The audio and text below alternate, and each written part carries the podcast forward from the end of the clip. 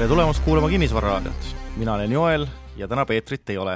Peeter on Ameerikas ja on äh, Rich Daddy üritusel koos Rolandiga ja üks missioon, mis Peetril Ameerikas nüüd selle käiguga on, on leida investeeringuobjekt. et ma olen Peetriga ühenduses olnud paar korda ja nad on päris palju objekte käinud vaatamas, aga ühtegi veel leitud ei ole, et võib-olla siis eilse päevaga midagi juhtus, aga, aga minu teada veel ühtegi objekti leitud ei ole.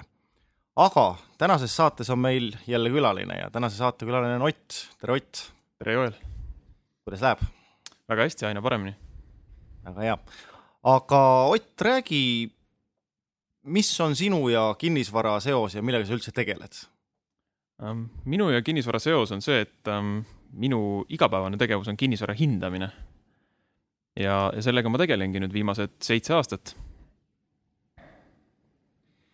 Kinnisvara hindamine, see tähendab siis see, et äh, sina oled see, kes äh, vaatab selle objekti, võrdleb äh, samasuguseid objekte ja siis lõpuks kuskilt tuleb mingisugune number ja sina siis ütled, et see objekt on seda väärt või? ma ütlen, et maakeeli sa sõnastasid töö nagu suhteliselt hästi ära, et, niimoodi see väljast paistab. sisu on seal, on seal märksa sügavam okei okay., aga enne kui lähme sellesse sisusse, siis räägi, kust üldse sinu kinnisvara, kust sinu, sinu ja kinnisvara suhe üldse algas? Ähm, see algas sedapidi, et ähm, ma õppisin Maaülikoolis geomaatikat, mis on siis niisugune äh, kartograafia ja maa mõõtmise ja sihukeste asjade segu. ja seal juhuslikult oli sihuke aine nagu äh, erialane inglise keel ja, ja sealt tuli kinnisvara inglise keel. minu kätte sattus esimest korda üks kinnisvaraalane raamat, see oli um, uh, How to buy real estate with nothing down ja, ja selle raamatu läbi lugedes, siis, siis mul oli pilt selge nagu, et okei okay,, see on, see on huvitav asi, millega tegeleda. ja kui ma magistriõppes sain valida, et kas ma tahan olla geoteet või maakorraldaja või kinnisvara hindaja, planeerija, siis, siis kolmas valik osutus, osutus selleks, millega ma siis nagu järgmised kaks aastat tegelesin. ja, ja niipidi see hakkas. kus sa, kus sa magistri tegid? Äh, Eesti Maaülikool ehk siis EPA mm. -hmm. seal on täitsa sihuke õppekava olemas ja vist ainukesena Eestis siiamaani Äh, me siin aeg-ajalt Peetriga kritiseerime siin igasuguseid maaklereid ja selliseid, et kuidas sina jäid rahule selle koolitusega, et kuida-, kui, kui nagu tõe või elule lähedast äh, koolitust siis äh, sealt koolist saab? on siis see kool ja on reaalne elu, kas seal on midagi ühist ka või on, on ikkagi suured käärid vahel mm,?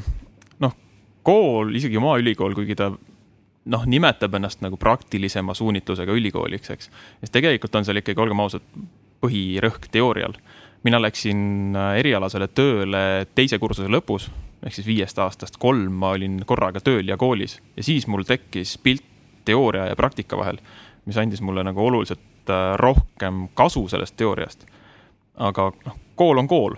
see, mis tegelikus elus toimub, seda õpetab sulle ainult tegelik elu mm. -hmm huvi veel selle vastu, et eh, need õppejõud, kes seal olid, kas nemad on praktiliselt ise tegelenud ka sellise kinnisvara hindamisega või on nad eh, rohkem niimoodi teoreetikud um,? kinnisvara hindamise õppejõud konkreetselt on, on ise aastaid olnud tegevhindaja teiste erialade õpetajad on nii ja naapidi.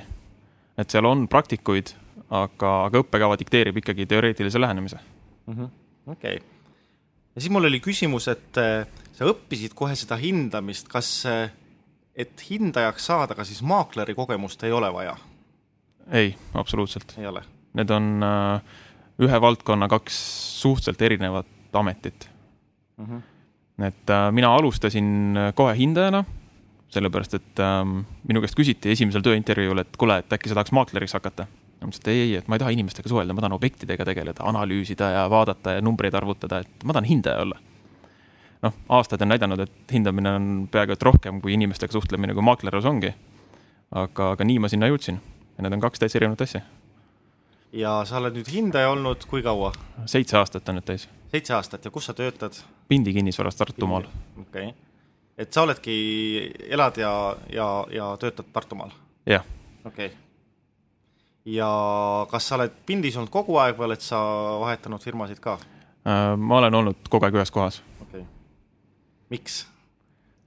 no vaatamata sellele, et, äh, et ka Tartus on väga erinevaid muid pakkumisi olnud, siis ähm, seal on väga erinevaid põhjuseid, üks neist ilmselt on lojaalsus okay,. et mulle on, mulle on antud nagu korralik kasvulava ja, ja seega viljat saab see, kes väetas. okei okay., väga hea. kohe lähme detailidesse ka, aga räägi, et kui sa nüüd oled olnud nii pikalt kinnisvara hindaja, et kuhu siis saab edasi areneda nagu karjääri mõttes, et kas, kas sa oled mingi seeniorhindaja ja mingi eksperthindaja ja äh, mis, mis nagu karjäärivõimalused seal siis edasi on um,? Eestis on mõned tasemed nagu, millega hindajaid üldse eristada võib, et noh, kõige rohkem on meil äh, täiesti igasugu ilma kutseta hindajaid, kes on siis nagu, võiks nimetada neid hindam-, hindamisassistentideks, vahet ei ole, mis ameti nimetus on, ehk siis inimesed, kes teevad seda tööd, aga kellel, kellel ei ole mitte ühtegi kvalifikatsiooni. enamasti neil ei ole ka erialast haridust um,. sealt järgmine aste on um, niisugune ühing nagu Eesti Kinnisvara Hindajate Ühing, annab välja kinnisvara hindajate kutset. on olemas kolm kutsetaset, on assistent, kinnisvara, mis siis, ehk siis elamispindade hindaja ja varahindaja, kes siis võib hinnata kõiksugust kinnisvara, mis on. Ähm, minul on see viimane viienda kutsetaseme kutse olemas, ehk maakeeli ma olen siis atesteeritud hindaja. Mhm. see on nagu üks karjäärivõimalus. siis sealt äh, kõrvalt tuleb äh, teistsugune paber, mida on Eestis võimalik taotleda, Maa-ameti litsents. ehk siis Maa-amet, riiklik asutus annab välja hindajate litsentsi, mille kõige suurem kasu on see, et kui sul on see litsents, siis sa saad ligi Maa-ameti poolt korjatavatele tehinguandmetele. ehk sa näed, mis kinnisvaraturul tegelikult toimub ja üks tase on veel Eestis, on kohtueksperdid, ähm, millega mina kokku puutunud ei ole, sest mulle tänasest ähm, sügavusest piisab. põhimõtteliselt, põhimõtteliselt selline on karjääriredel Eestis hindajate mõistes. okei okay., ja ma sain aru, et sina oled siis atesteeritud hindaja? just nii. ja mida see atesteerit-, atesteerimine, mida see tähendab, siis sul ilmselt sa pead midagi õppima, mingid eksamid tegema või kuidas see on? Äh, ja kellel, kellel täpsemalt huvi on Eesti Kinnisvara Hindajate Ühingul on, on kodulehel väga detailselt lahti kirjutatud, mis nõuetele inimene peab vastama, aga, aga laias laastus tähendab seda, et minul pidi olema erialane kõrgharidus, pean olema kolm aastat tööd teinud, erialast tööd äh,, esitama ühingule katsetööd, läbima kirjaliku suulise eksami, eks ikka paras kadalipp. Mhm. -huh. okei okay., ja palju neid äh, atesteeritud hindajaid Eestis on umbes? Äh, Eestis on nüüd nii elamispindade kui varahindajaid kokku circa sada circa sada? sada, ainult sada, nii vähe? jah, ja ülejäänud kõik on siis paberiteta hindajad. okei okay., samamoodi nagu on maaklerid, eks ole, ma ja. võin ka maakleriks hakata, et print, prindin ainult äh, visiitkaardi ja olengi maakler. just okay. nii. aga räägime siis, mis see hindamine üldse on, et kui nüüd inimene tuleb teie kontorisse ja ütleb, et äh, ma tahan midagi kas osta või müüa ja tahan seda hinnata, et kuidas siis see protsess üldse käib? Protsess on, on tehtud tegelikult äh, kliendi jaoks hästi lihtsaks. ehk siis, kui inimesel on soov midagi hinnata, siis tema vaatenurgast käib see niimoodi, et ta lepib hindajaga aja kokku, millal see asi üle vaadatakse. see on iga hindamise eeldus äh,. hindaja ei tohi tööd teha hinnangut anda, mingeid pabereid vormistada, kui ta objekti üle vaadanud ei ole, põhimõtteliselt on niimoodi standardis kirjas ähm,. hindaja vaatab asja üle ja ühel hetkel inimesele tõenäoliselt tuleb postkasti meili siis arve ja, ja ühel hetkel siis tuleb see hinnang järgi ja nii see paistabki, eks. aga rää, jah, räägi, et mis see ülevaatamine, minul on ka korra, korra hindaja käis, eks ole, et mul mingisugune pilt on, aga seletame selle nüüd täiesti detailidele lahti siin kuulajatele, et mis see, mis see on, et eh, ma helistan, lepin sinuga aja kokku, saame seal maja ees kokku ja mis edasi saab? edasi saab see, et minu ülesanne koha peal on ähm, selgitada välja selle objekti omadused, mis on olulised selle turuväärtuse mõistes. ehk äh, ma pean suutma vaadata seda asja sellisena, nagu vaatab keskmine turuosaline. turuosaline on kes? Äh, see on niisugune hüpoteetiline isik, keda tegelikult ei eksisteeri, see on mingi niisugune statistiline keskmine, ehk siis ütleks siis massi mingi niisugune keskmine arusaam asjadest. ehk ähm, kui mõnikord on, võib-olla seda on kõige parem nagu näitevaral nagu eristada mm, -hmm. et meil on äh, inimesi, kes tegelevad ehitusega, kes teavad väga detailselt ehitusest nüansse, kes on, ma ei tea, kolmkümmend aastat ehitajad olnud ja, ja nad on ehituses hindajatest targemad, noh, tõenäoliselt sada protsenti. aga me ei vaata asja nende lati järgi, vaid me vaatame nend, äh, seda asja hindamist keskmise inimese järgi. et keskmine inimene majale peale vaadates tõenäoliselt ei saa aru nendest nüanssidest, mida see professionaal aru saab Äh, samamoodi on inimesi, kes üldse kinnisvarast midagi ei tea ja vaatavad, et äh, voh, lahedat värvi tapeet, mulle see korter meeldib. ja ta paneb oma väärtushinnangu selle järgi paika. samamoodi ei saa me sellest lähtuda, me peame kuhugile sinna keskele jääma, sihuke keskmine kaine mõistuse koht on see, mida me otsime. eks me vaatame selle asja üle umbes selle pilguga, mida inimesed seal näevad, mida nad peaks nägema, mida nad võiks näha. Ähm, märgime üles, äh, fotografeerime selleks, et see oleks tõendatav. ja põhimõtteliselt sellega nagu kohapeal andmete kogumine piirneb. ilmselt küsitakse omaniku käest äh, olulisi detaile üle seal, elektriliitumised, kuidas vee-kanalisatsiooni varustus on, äh, mõningad nüansid, mida võib-olla registritest kätte kohe ei saa. põhimõtteliselt hindaja teeb endale objekti selgeks kas hindaja vaatab selliseid asju ka nagu kommunaalide arved näiteks, et kui palju kütet kulub um,? Ütleme nii, et uh, sõltub asjast. mingitel puhkudel on see oluline Ehm, on Eestis on asulaid, eks, kus kommunaalmakse võrreldes äh, üürimaksega on, on noh, võrdne, mõnel pool on see proportsioon hoopis teine. ehk siis, kui see konkreetne kommunaali kulu mõjutab väärtust, siis hindaja peab seda vaatama. aga kui on teada, et näiteks äh, selles piirkonnas on noh, ma ei tea, ahiküttega korterid on ju, ja kõigil on analoogne kommunaalkulu, siis, siis see ei ole enam oluline aga, aga selleks, et seda järeldust teha, peab hindaja ikkagi teadma, mis turul konkreetselt selles sektoris toimub -hmm.. okei ja noh, ma nüüd küsin hästi palju neid selliseid detaile, et kas näiteks põrandamaterjal või kas seina peal on tapeet või seeneks, kas, kuidas need mõjutavad hinda? mõjutavad küll. jälle samamoodi näited hästi head. Olen käinud korterites, kus astud sisse Äh, pildi pealt kuulutusest oled näinud, näeb viisakas välja, astud sisse, näeb ka päris hea välja, siis astud kolm sammu mööda laminaati ja tunned, kuidas sul ujub jalge all. no see on ilmselge järeldus, et see ei peaks nii olema, seal on midagi viltu ja kui sa objekti süübid, siis ühel konkreetsel juhul mulle lihtsalt öeldagi, et ja, ja, et see põrand põhimõtteliselt on alt mädanenud, aga me panime laminaadi peale, et ära müüa.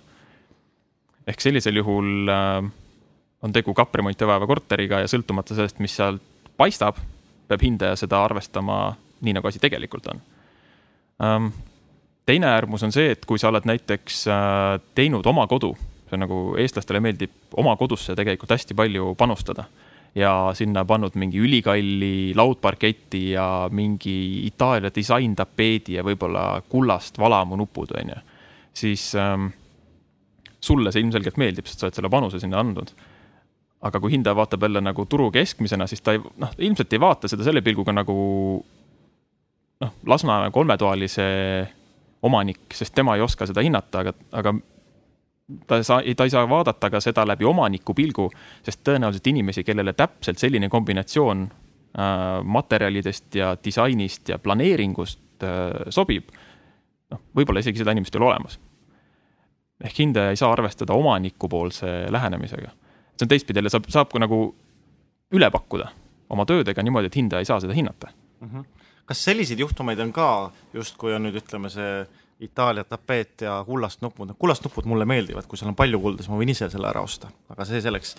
Äh, kas on selliseid juhtumeid ka, kuidas, kui, kui tuleb see hindamisakt välja ja seal on see number nüüd kirjas, kas siis inimesed vaidlevad ka, et ei, et minu arust see on palju rohkem väärt, et vaata, et mul on niisugune tapeet, et see on ainukene, ma ei tea, rull Eestis või mis iganes. kas niisuguseid olukordi on ka äh,? on küll Ähm, seal on hästi lihtne põhjus, ehk siis see, mida hindaja reeglina hinnangus annab, on turuväärtus. ehk vaatame seda asja turu aspektist. see, mida omanik näeb, on ähm,. emotsioon. noh, emotsioon ehk seda nimetatakse ka tinglikult omaniku väärtuseks, ehk omanik näeb seda asja noh, täpselt koos emotsiooniga hoopis teises valguses ja, ja tõepoolest see võib olla Eestis ainuke selline tapeet.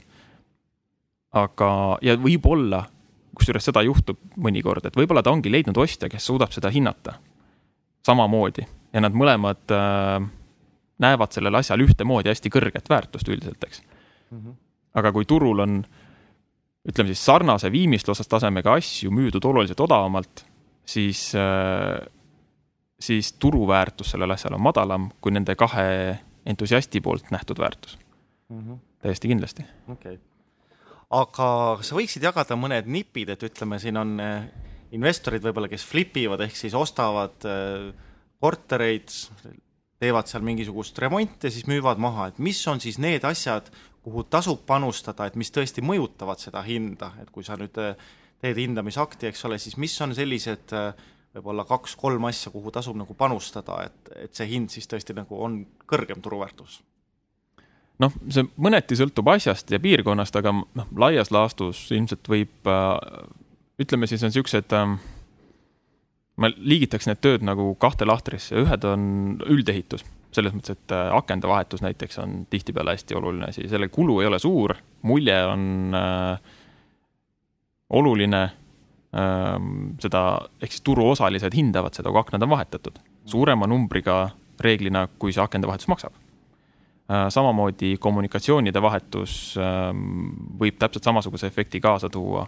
mis on kommunikatsioonid? Vee- ja kanalisatsioonitorustik, elektritorustik, küttetorustik, gaasitorustik ehk siis sellised asjad, mida noh, ei näe reeglina, on ju. Mhm. siis teine kategooria on siis viimistlus. Olgugi, et hindaja püüab olla võimalikult sõltumatu, siis, äh, siis samas me peame vaatama asja turuga, turuosalise pilguga.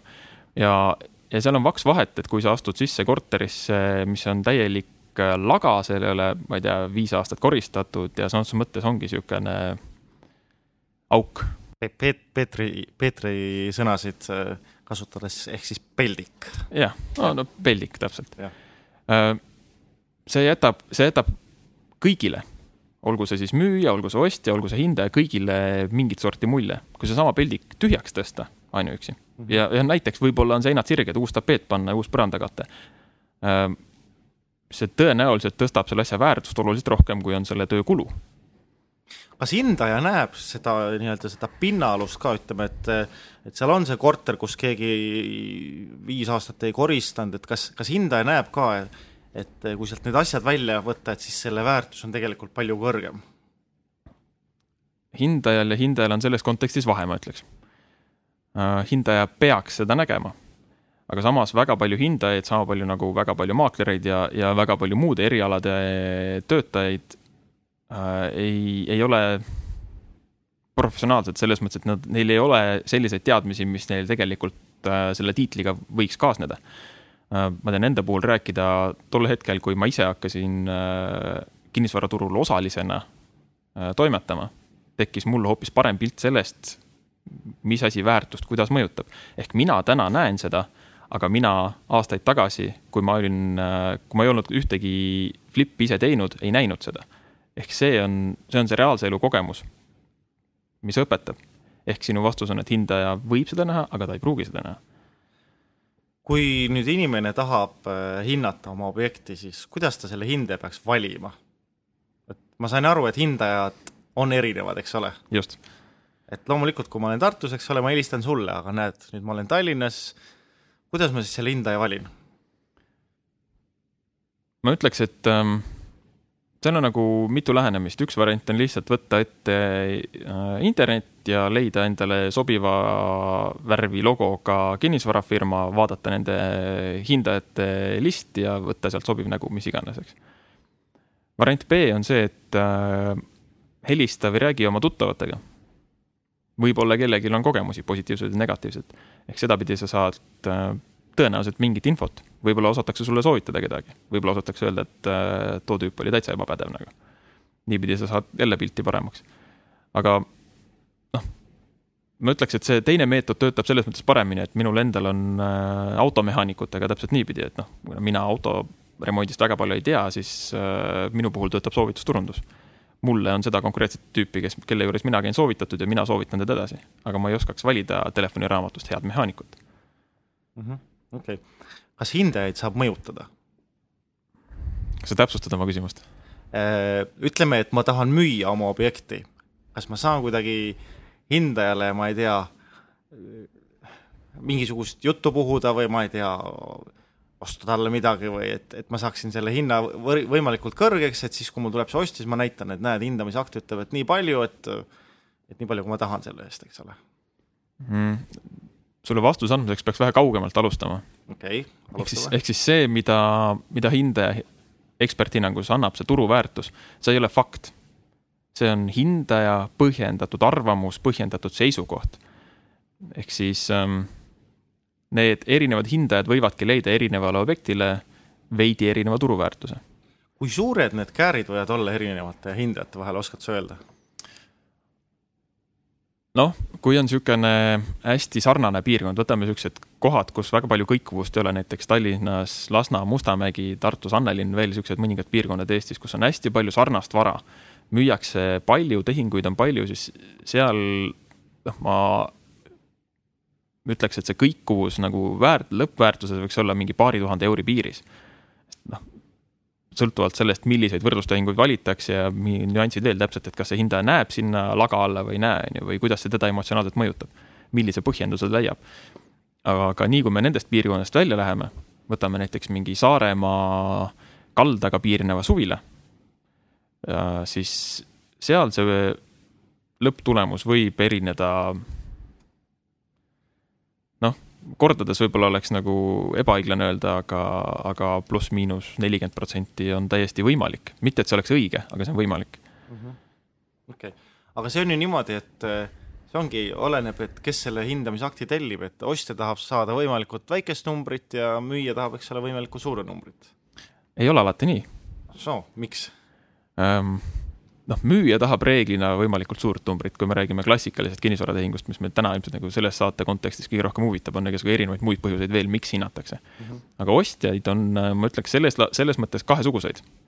on ostjad, kes on endale pähe võtnud, et äh, ma saan selle korteri, noh, mis iganes ta müügis on, näiteks saja viie tuhande euroga, on ju, ma olen nõus selle eest sada maksma, ma tahaks seda saada sada protsenti panga finniga, mis tähendab seda, et noh, hinnang võiks olla sada kakskümmend näiteks ja see on tema eesmärk nii-öelda mm. -hmm. ja siis ta otsib endale hindajat, kes talle kirjutaks talle sobiva numbri. ehk siis see on see, mida sa just küsisid. mis tegelikult ei ole hindamise eesmärk. kogu selle hindamise point on see, et antakse õiglane number ehk äh, äh, kui mina näiteks hindan seda korterit ja tulemus on üheksakümmend tuhat eurot, siis tekib täpselt see situatsioon, mida sa enne kirjeldasid tellija ütleb mulle, et kuule, et mis mõttes, et see asi on ju saja viiega müügis ja seal on Itaalia disaintapeet ja kogu see lugu, eks. aga see võibki tähendada seda, et ta on nõus ostma seda asja turuväärtusest kallimalt, mis on täiesti okei okay,, kui ta seda endale teadvustab. aga kui ta seda endale ei teadvusta, siis võibki juhtuda see, et ta küsib sõltumatu inimese käest hinnangut, ta saab teada, et see asi maksab vähem, kui ta arvas ja, aga ta ei võta seda riski arvesse ja ta ostabki asja liiga kallilt. ühel hetkel, kui tal seda müüa vaja on ähm,, siis on jama, tõenäoliselt. või suurema, suurema tõenäosusega. ehk tegelikult on üsna vähe inimesi, kes võtavad selle, võtavad hindamist kui konsultatsiooni. pigem võetakse hindamist kui ähm, võimalust pangast võimalikult palju raha saada. jah, sest eh, mida kõrgem, eks ole, on eh, hinnatud väärtus, seda äh, rohkem pangast raha saab. just. kas oskad öelda, et kui palju, kui palju seda hindamist tellitakse, ma ei tea, ütleme, et iga kümnes tehing tellitakse hindamine või on mingisugust statistikat ka või oskad sa öelda oma kogemusest? tegelikult saaks seda statistikat vist isegi teha, kui korjaks Eesti suuremate kinnisvarabüroode pealt kokku kokku hinnangud ja teeks seal kõvasti andmetöötlust, sest tegelikult tehakse hindamisi ka olulis-, hoopis teistel eesmärkidel ka ost-müük. aga ma arvan, kuklast niimoodi tunde järgi öeldes, võib-olla iga teine tehing äkki vajab hindamist mm. -hmm. sa oskad öelda, mille jaoks siis hindamist äh, veel vajatakse, et kui panga jaoks ja eks ole, ostjale ja müüjale ja mis veel, et ilmselt äh, kindlustused on ka need, kes tahavad seda väärtust, kuna äh, kui kindlustatakse objekti, siis, siis on ju mingisuguse summa peale, kas siis on ka vaja? ei. siis ei ole vaja? Need on, äh, kindlustusväärtus ja turuväärtus on tihtipeale kaks täiesti üksteisest erinevat asja. kindlustuse jaoks on oluline, kindlustus vaatab seda, kui palju maksaks selle asja taastamine, mida sa kindlustad, eks. ehk põhimõtteliselt nad võtavad aluseks ehitusmaksumuse mm. -hmm või vähemalt peaks seda tegema. see, kuidas nad seda arvutavad, see on juba nende, nende äri, eks. aga seal on ju ka suured käärid, sellepärast et ehitajate hinnad on siin paari aastaga muutunud päris palju, et siin paar aastat tagasi oli väga nutune ehitajate seis ja praegu on üle, ühele ehitajale on objekte rohkem, kui ta jõuab teha, eks ole. just. no samamoodi kindlustusfirmad siis oma selles arvutuses toetuvad mingitele oma nõuandjatele, millele iganes, et ma täpselt seda tausta ei tea. aga kindlustuse eesmärk on, on kirjutada sulle välja põhimõtteliselt võimalikult suure numbriga poliis, et sa saaks maksta kindlustustasu võimalikult kõrget, eks. jah, ja siis võimalikult vähe välja maksta, kui, kui see hetk tuleb. Um, mis tähendab seda, et võib juhtuda situatsioon, kus, kui me läheme maapiirkondadesse välja, siis ehitusmaksumus, näiteks klassikaline eramaja ehitusmaksumus, noh, tõenäoliselt ei lange, võib-olla isegi kasvab, kui sa lähed keskusest välja ja transport läheb kallimaks ja sa tahad kuhugile Otepääle maja ehitada, eks see on kallim kui Tartusse näiteks või, või sihuke võrdlus, eks. aga turuväärtus asukohast tulenevalt on hoopis madalam, siis võibki olla, et kindlustusväärtus nendel kahel majal on sama, aga turuväärtus on täiesti erinev ja kõik on õige. Need on ka kaks täiesti erinevat lähenemist lihtsalt äh, küsimus selline, et äh, nagu sa ise ütlesid, et äh, näiteks Mustamägi, Lasnamägi on enam-vähem on korterid on sarnased, et seal on kergem seda äh, seda võrdlust teha, aga kuidas siis eh, selliste objektidega, mis on väga unikaalsed, ma ei tea, ütleme vanalinn või, või päris kohe äh, eramud? seal ongi see töö keerulisem ja tulemuse täpsus väiksem või siis kehvem. et äh, hindaja peab leidma võimalikult sarnased tehingud, mida mingite varade puhul ei pruugi isegi olla siis seega tuleb vaadata nii-öelda järgmist ringi ehk lasta seda filtrit aina lõdvemaks, seni kuni, kuni sul on olemas turu pealt taustinfo, et sa saad mingitki pidi tuletada selle hinnatava asja väärtuse. mida lõdvemaks need filtrid lastakse ja mida pikemaks näiteks ajaperiood, noh, kui me räägime linnas korteri hindamisest, siis, siis see võrdlustehing ei tohiks olla vanem kui kolm-neli kuud, eks kui me räägime mingist Peipsi järve ääres olevast äh, luksuslikust majast, siis see ajaperiood on võib-olla kaks pool aastat, kus sa leiad kolm tehingut, mis üldse kõrvale sobivad.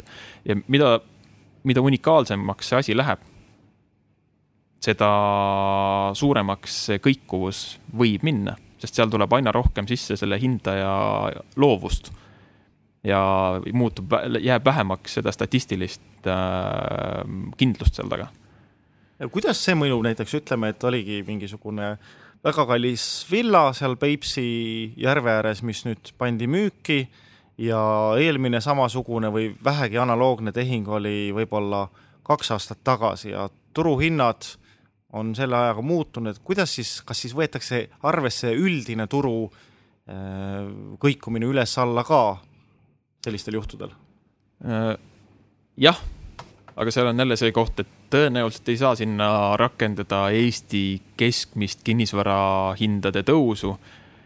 noh, aga, aga see, mida sinna rakendatakse, ehk siis selle asja nimi on siis nagu võrdlemisel, nagu see enne ütlesid, võrdlusmeetod on see kõige tavalisem asi, seal on üks asi, mida, mida omavahel võrreldakse, on seesama aeg ja aega kohandatakse, et kui turg on vahepeal tõusnud, siis, siis ka neid võrreldavaid tehinguid vastavalt kohandatakse. see, kust see number tuleb, on äh, statistika ja kui statistika ei aita, siis on jälle loovus. ehk erinevad hindajad võivadki omistada sellele muutusele erineva numbrilise vastuse. ja seni, kuni ei ole statistilist tausta, on see jälle okei okay..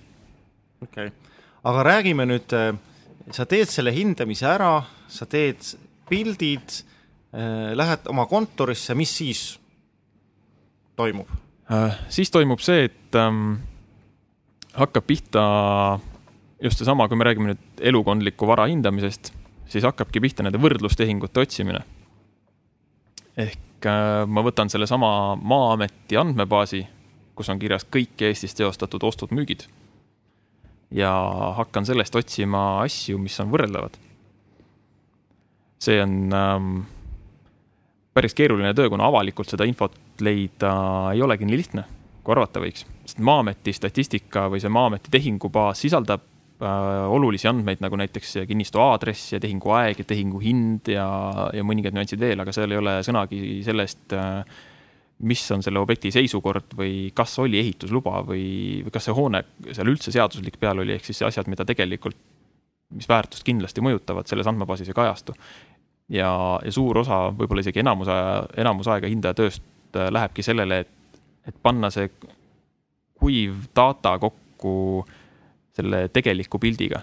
ehk siis, et ta saaks sellele Exceli reale taha objekti, et ta saaks aru, mida tegelikult müüdi ja, ja kas see üldse oli turutehing või müüdi äh, onupojale suvalise numbriga. jälle statistika on üks ja tegelik maailm teine. ja ilmselt seda, selliseid anomaaliaid, et keegi nüüd müüs kas ühe euroga või ma ei tea, mis, mis summaga, siis neid vist on väga raske välja noppida. noh, kui on ühe euroga, siis see on nagu selles mõttes just hästi lihtne mm. -hmm. aga kui see on turutasemele lähedase numbriga, siis äh, ainuke viis teada saada ongi konkreetsete asjaosaliste käest või tehingu vahendanud maakleri käest äh, või õigemini siis tehingu pidanud vahendama maakleri käest, aga kui see tehing kuidagi teistmoodi läks, siis maakler ikkagi teab, mis seal toimus ja noh, tegelikult see on kõik konfidentsiaalne info ja selle kättesaamine ongi hindamise kõige keerulisem töö või kõige keerulisem osa. ja, ja see info liigub äh, põhimõtteliselt usalduse baasil. ja siis suhted jälle, jah? jah, just. okei okay aga räägi, milline see hindamisakt välja näeb, et tänapäeval vist enamus eh, tulevad meili teel või küsivad ka inimesed paberikandjal seda? üksikuid inimesi või no üksikuid juhte on, kus seda paberi peal vaja on, aga enamasti on digihinnang ilmselt täna sihuke. Näeb ta välja selles mõttes suhteliselt sarnane äh, kõikidel büroodel kuna seda, milline üks hinnang välja näeb, reguleerib Eestis on Eesti Standardikeskus on andnud eraldi standardiseeria välja, mis hindamist reguleerib ja seal on nagu suhteliselt konkreetselt kirjas, mida üks hindamine sisaldama peab. ja ähm, mis järjekorras ja, ja ehk siis nagu seal on nagu nii-öelda nagu šabloon ette antud. Aga põhimõtteliselt peab seal olema siis äh, objekti kirjeldus piisava detailsusega, sõltuvalt objektist jälle, eks et mõnda objekti on võimalik lehekülgede kaupa kirjeldada ja ja põllutükk kuskil äh, vähelikviidses piirkonnas võib-olla vääribki kolme rida, eks.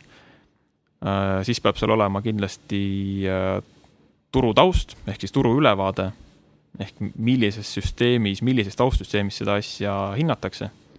siis peab seal olema seesama hindamise pool. Klassikaliselt siis võrdlusmeetod, on ka teisi meetodeid, kuidas lähtuvalt objektist siis. ja, ja üks oluline asi, mis seal on, on, seal peab olema selle töö teinud hindaja kinnitus. et see töö vastab nendele, nendele nõuetele ja ta kinnitab seda oma allkirjaga. ehk sellisel hetkel või sel hetkel muutub see töö alles kehtivaks. et ähm, me oleme näinud aastate jooksul väga erinevaid pabereid, mille pealkiri on samamoodi eksperthinnang, aga see ei vasta peaaegu ühegile nõudele ja mingil põhjusel on, on inimesed selle konkreetse paberi äh, oma otsuste aluseks võtnud. kas, äh, kui nüüd keegi tahab hindamisteenust, kas, kas siis on mingisugune dokument või paber või millega ma saan siis äh, selgust, et kas see hindaja on siis tõeliselt pädev ja atesteeritud või, või kuidas see toimub äh,?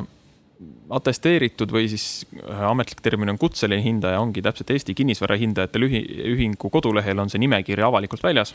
sealt saab kontrollida, kas selle inimesel on selline kvalifikatsioon üldse ja kaua see veel kestab.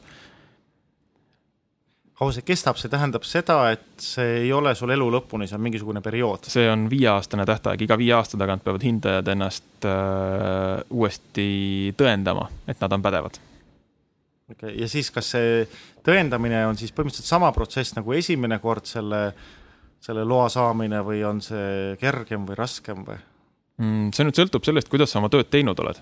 Et seal on nagu erinevaid versioone, kuidas see toimub, aga põhimõtteliselt, kui sa taotled oma kutse pikendamist, siis tehakse sulle audit. vaadatakse, kuidas sa oma töid teinud oled. kui need on heal tasemel, siis see kutse pikendamine on lihtsam. kui need tööd on puudulikud, siis põhimõtteliselt võib, võib päädida sellega, et sa teed jälle samas mahus nagu, nagu kutse taotlemisel kogu selle kadaliku läbi, selleks et äh, näidata, et sa oled pädev mm. -hmm.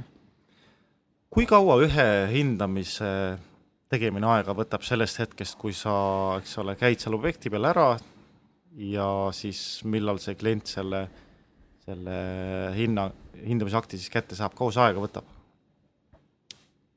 äh,? parimal juhul kui see on selles mõttes lihtne objekt, ta on mingi äh, väga lihtsasti võrreldav korter ja see on järjekorras esimene töö ja ettevõttel, kes seda hindamist teeb, on oma infosüsteemid ja ja lahendused nii hästi paigas, et see töö sujub, siis seda võib mõõta tundides skaala teises otsas on hoopis teist laadi hindamised, mille puhul võib info kogumine võtta aega nädalaid. ja, ja hindamise koostamine samamoodi, tähtaeg on võib-olla viis nädalat. kas hindaja ütleb umbkaudu, et millal see hindamine valmis saab või kuidas see? Seda peaks suutma hindaja öelda, noh, välja arvatud mingi väga erandjuhud, aga, aga, aga jah, kui vähegi tüüpiline asi on, siis, siis hindaja peab suutma öelda, kui kaua sellega aega läheb kindlasti. -hmm kuidas nende hindamiste hinnad on, kas äh, oskad sa öelda mingisugused tüüpilised numbrid, mis need hindamised maksavad? ma tean seda Tartu ja Lõuna-Eesti kohta, aga kõige lihtsam on seda vaadata kinnisvarabüroode kodulehtedelt.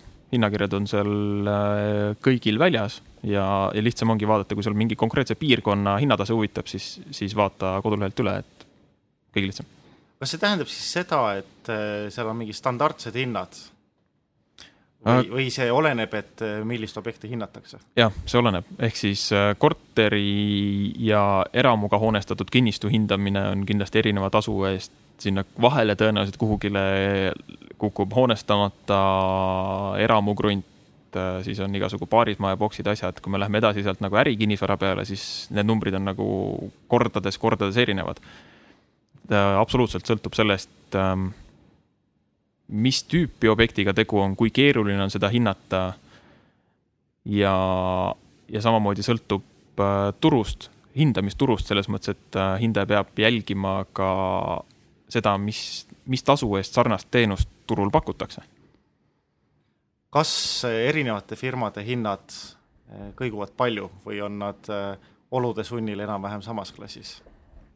ma ütleks, et standardsete asjade puhul on nagu suhteliselt sarnased aga oleme näinud erinevate suurte hangete puhul, et nad võivad äh, kõikuda kordades jälle. lähtuvalt sellest, kuidas hindaja näeb, kui keeruline see töö on, kui palju tal on äh, kas siis hariduslikku või kogemuslikku tausta, et kas ta suudab üldse niisugust objekti hinnata. kui sa ei ole kunagi ühtegi haiglat hinnanud, siis see tõenäoliselt on sinu jaoks väga ajamahukas töö ja selleks, et see sinu jaoks kui hindajale ära tasub, sa pead küsima väga palju raha. kui sa oled aastaid seda teinud, sa saad küsida vähem raha mis maksab Anna, Annelinnas kahetoalise korteri hindamine? Äh, kui sa minu käest küsid, siis hinnakiri on seitsekümmend eurot. seitsekümmend eurot ja. ja selle tegemine võtab aega umbes? Kaks-kolm päeva. kui päeva. on erandjuhud, siis, siis saab ka kiiremini. Mhm. okei okay.. ja milline on kõige suurem objekt, mida sa oled hinnanud oma karjääri jooksul või kõige raskem objekt? siinkohal ma pean ütlema, et see info on konfidentsiaalne. okei okay selge. Äh, aga räägi enda taustast, äh, ma sain aru, et sa ise tegeled ka äh, kinnisvarasse investeerimisega või kinnisvaraga hindamise lisaks? jah, ma ei tegele tegelikult klassikalises mõttes investeerimisega, ma ise nimetan seda kauplemiseks. ehk ma ostan, remondin ja müün. ehk siis tegelen kapitali kasvuga mm. -hmm. Flipid? jah flip või siis äh, fix and flip okay.. ja sellega ma olen nüüd toimetanud äh, natuke üle kahe aasta. ja sihuke hobi korras tegevus ta on. Kas, äh, kas sa tegeled Tartu turul sellega? jah, Tartu turul just. on sul mingisugused teatud objektid või teatud numbrid või kuidas sa, kuidas sa otsustad, et äh, see on nüüd sobiv objekt? ma otsustan seda ma ütleks siis äh, kõhutunde baasil või. kui, kui sa jalutad üle ukse sisse ja näed seal potentsiaali ja näed võimalust, siis ja sul tekib võimalus seda ka mõistliku hinnaga osta, siis, siis järgneb sellele tehing. ta on niisugune, ma ütleks, suht klassikaline lähenemine. sul on vist eelis võrreldes tavalise, kuidas ma ütlen tegijaga turul, kuna sul on äh, meeletu kogus infot, eks ole, ja kogemust ja noh, see ilmselt aitab sul ka aru saada, et mis on selle tõeline väärtus ja ja, ja mis on see, eks ole, praegu noh, müügihind või see, mida see omanik küsib, seda sa tead, aga, aga ilmselt, ilmselt võrreldes teistega sa võib-olla näed paremini seda potentsiaali nendes objektides. Äh, mul on ilmselt infot rohkem, see, kas see on eelis või mitte, on nagu täiesti suhteline juba. et ähm, näiteks äh, üle-eelmises saates oli teil Karl Laius külas Jah. Kes ütles ilusti kinnisvarakoolitusel ka, et kui ta oleks teadnud oma esimese tehingu tehes seda, mida ta nüüd teab, siis ta ei oleks ilmselt seda tehingut teinud. ehk teinekord liiga palju infot võib ka piduriks osutuda. jah, see, see on küll tõsi, jah. aga, aga räägi, mis on nagu sinu pikema perspektiivi eesmärgid, et, et ilmselgelt sa oled äh, seal kinnisvaras päris tugevalt sees ja, ja teed seal oma väikseid või suuremaid äh, neid äh, flippe ja fix and flippe, et mis viiekümne aasta jooksul, mis su eesmärgid on? Ehm, üks eesmärkidest on finantsvabadus läbi passiivse tulu ehk siis läbi kinnisvarast tuleva üüritulu. on, on majanduslik eesmärk. okei okay., aga ma sain aru, et sa praegu tegeled eh, fix and flip'iga, kas siis seda sellepärast, et kasvatada kapitali või on sul ikkagi üürikorterid ka selle lisaks? Äh, ma tegelen praegu puhtalt äh, flipiga selleks, et äh, kasvatada kapitali ja teistpidi õppida. sest seeläbi käib minu portfellist läbi rohkem kortereid kui, kui siis, kui ma ostaks ja asja jätaks või, või annaks üürile ja ta jääks mulle portfelli. ja ma lihtsalt kasutan seda õpiprotsessi kiirendamisena, sest noh ähm,, nüüd selle saate eetrisse minemise ajaks olen ma müünud oma kümnenda korteri ja iga kord on midagi õppida. tahtsin küsida sellist asja ka, et kas on sul mõndasid soovitusi või, või nõuandeid meie kuulajatele ja investoritele, midagi sinu teadmiste pagasist, mis võiks olla kasulik neile? üks asi, mida me ja, ja mina, me sellepärast, et kontoris info liigub, aga mina ise olen ka näinud, et ähm, küll ja küll tehakse investeerimisotsuseid äh, just algajate investorite poolt äh, lähtudes omaenda mingist ähm, emotsioonist või tundest ja, ja teinekord siis äh, võetakse kaasa mõni sõber, kes on ka oma korteris remonti teinud ja, ja peab seeläbi ennast tugevaks äh, asjatundjaks ja, ja minnakse, tehakse see investeering ära. ja tagantjärgi ühel hetkel, kui on, ma ei tea, paari aasta pärast refinantseerida vaja, siis äh, on tahes-tahtmata hindamist vaja ja siis tuleb välja asjaolusid, mida tol hetkel oleks võinud ju kaaluda. ehk üks asi on see, et äh, kui te plaanite midagi osta, siis küsige nõu, see võib olla nõu, äh, kui te tunnete kedagi, kes selles valdkonnas on pädev, siis äh, võtke kaasa, siin Tallinnas on teil Cashflow klubis terve rida inimesi, kellel on kogemust ja, ja arvamust. kui teil ei ole kedagi sellist võtta, siis tehke see väike kulutus, võtke kinnisvara hindamine, te saate sealt äh, vähemalt second opinion'i asjale. ja võib juhtuda, et sealt läbi jääb maksmata nii mõnigi kooliraha. See on tõsi jah, sellepärast et nagu sa ütlesid, et ütleme, mingi standardkorteri hindamine on seal seitsekümmend euri pluss-miinus, eks ole, oleneb, kus sa tellid. aga, aga kui sa paned puusse ja maksad võib-olla, ma ei tea, viis või kümme tuhat euri rohkem, siis tegelikult see seitsekümmend või sada euri oleks olnud äh, päris hea investeering, eks ole. just nii. noh, samas, samas on jälle tagasi tulles, mulle hästi meeldib see, mida Karl ütles just üle-eelmine kord, et äh, aga tal on hea meel, et ta selle tehingu ära tegi, sest see õpetas jälle palju. ehk, ehk siit tuleb jälle selle skaala teisotsa tulla, et, et ainult nõu küsimise juurde ka nagu ei tasu jääda et küsige nõu, korjake mingi hunnik infot kokku ja siis tehke see tehing ära. küll te niikuinii õpite juurde, ausõna, uskuge mind, kõik õpivad kogu aeg juurde, te ei saa kunagi nagu enne tehingu tegemist kõike teada. aga ärge nagu päris uisapäisa raha kuhugile kinni pange. Äh, räägi, Ott, äh, kui ma nüüd selle hindamisakti tellin, kas see siis on puhtalt sinu arvamus ja sinu tõlgendus turult või küsid sina ise ka kuskilt abi või nõu um,? Eestis on tavaks kujunenud see, et iga hindamisaktiga tegeleb äh, vähemalt kaks inimest. ehk klassikaliselt on see, et on siis hindaja, kes selle töö koostab ja, ja siis on atesteeritud hindaja, kes selle töö kinnitab ja kelle allkiri seal siis all maksab ja kes tegelikult selle töö kvaliteedi ja kõige selle eest vastutab um,. mis veel lisaks on erinevates ettevõtetes erinevatel, erinevas nagu mahus kasutuses, aga aga mida tehakse, on ka see, et äh, tehakse hindamiskomisjone. ehk tuleb see hindaja teiste hindajatega ühte punti, kas selleks on eraldi aeg või eraldi tuba, vahet ei ole, mismoodi seda tehakse, ühesõnaga saavad hindajad kokku, võib-olla on seal komisjonis ka mõni maakler, sest ka maakleritel on nagu noh, veidi teistsugune nägemus turust ja neil võib olla väga väärtuslikku infot, mida hindajal ei ole. ja istutakse maha, vaadatakse selle objektile otsa, see on nüüd see koht, miks on oluline, et hindaja koha peal koguks kõik info kokku, sest siis ta saab seda presenteerida. siis ta saab äh, näiteks pildi pealt ei pruugi välja tulla, kas on väga hea või normaalne või täiesti mõttetu planeering, mis väärtust mõjutab olulisel määral.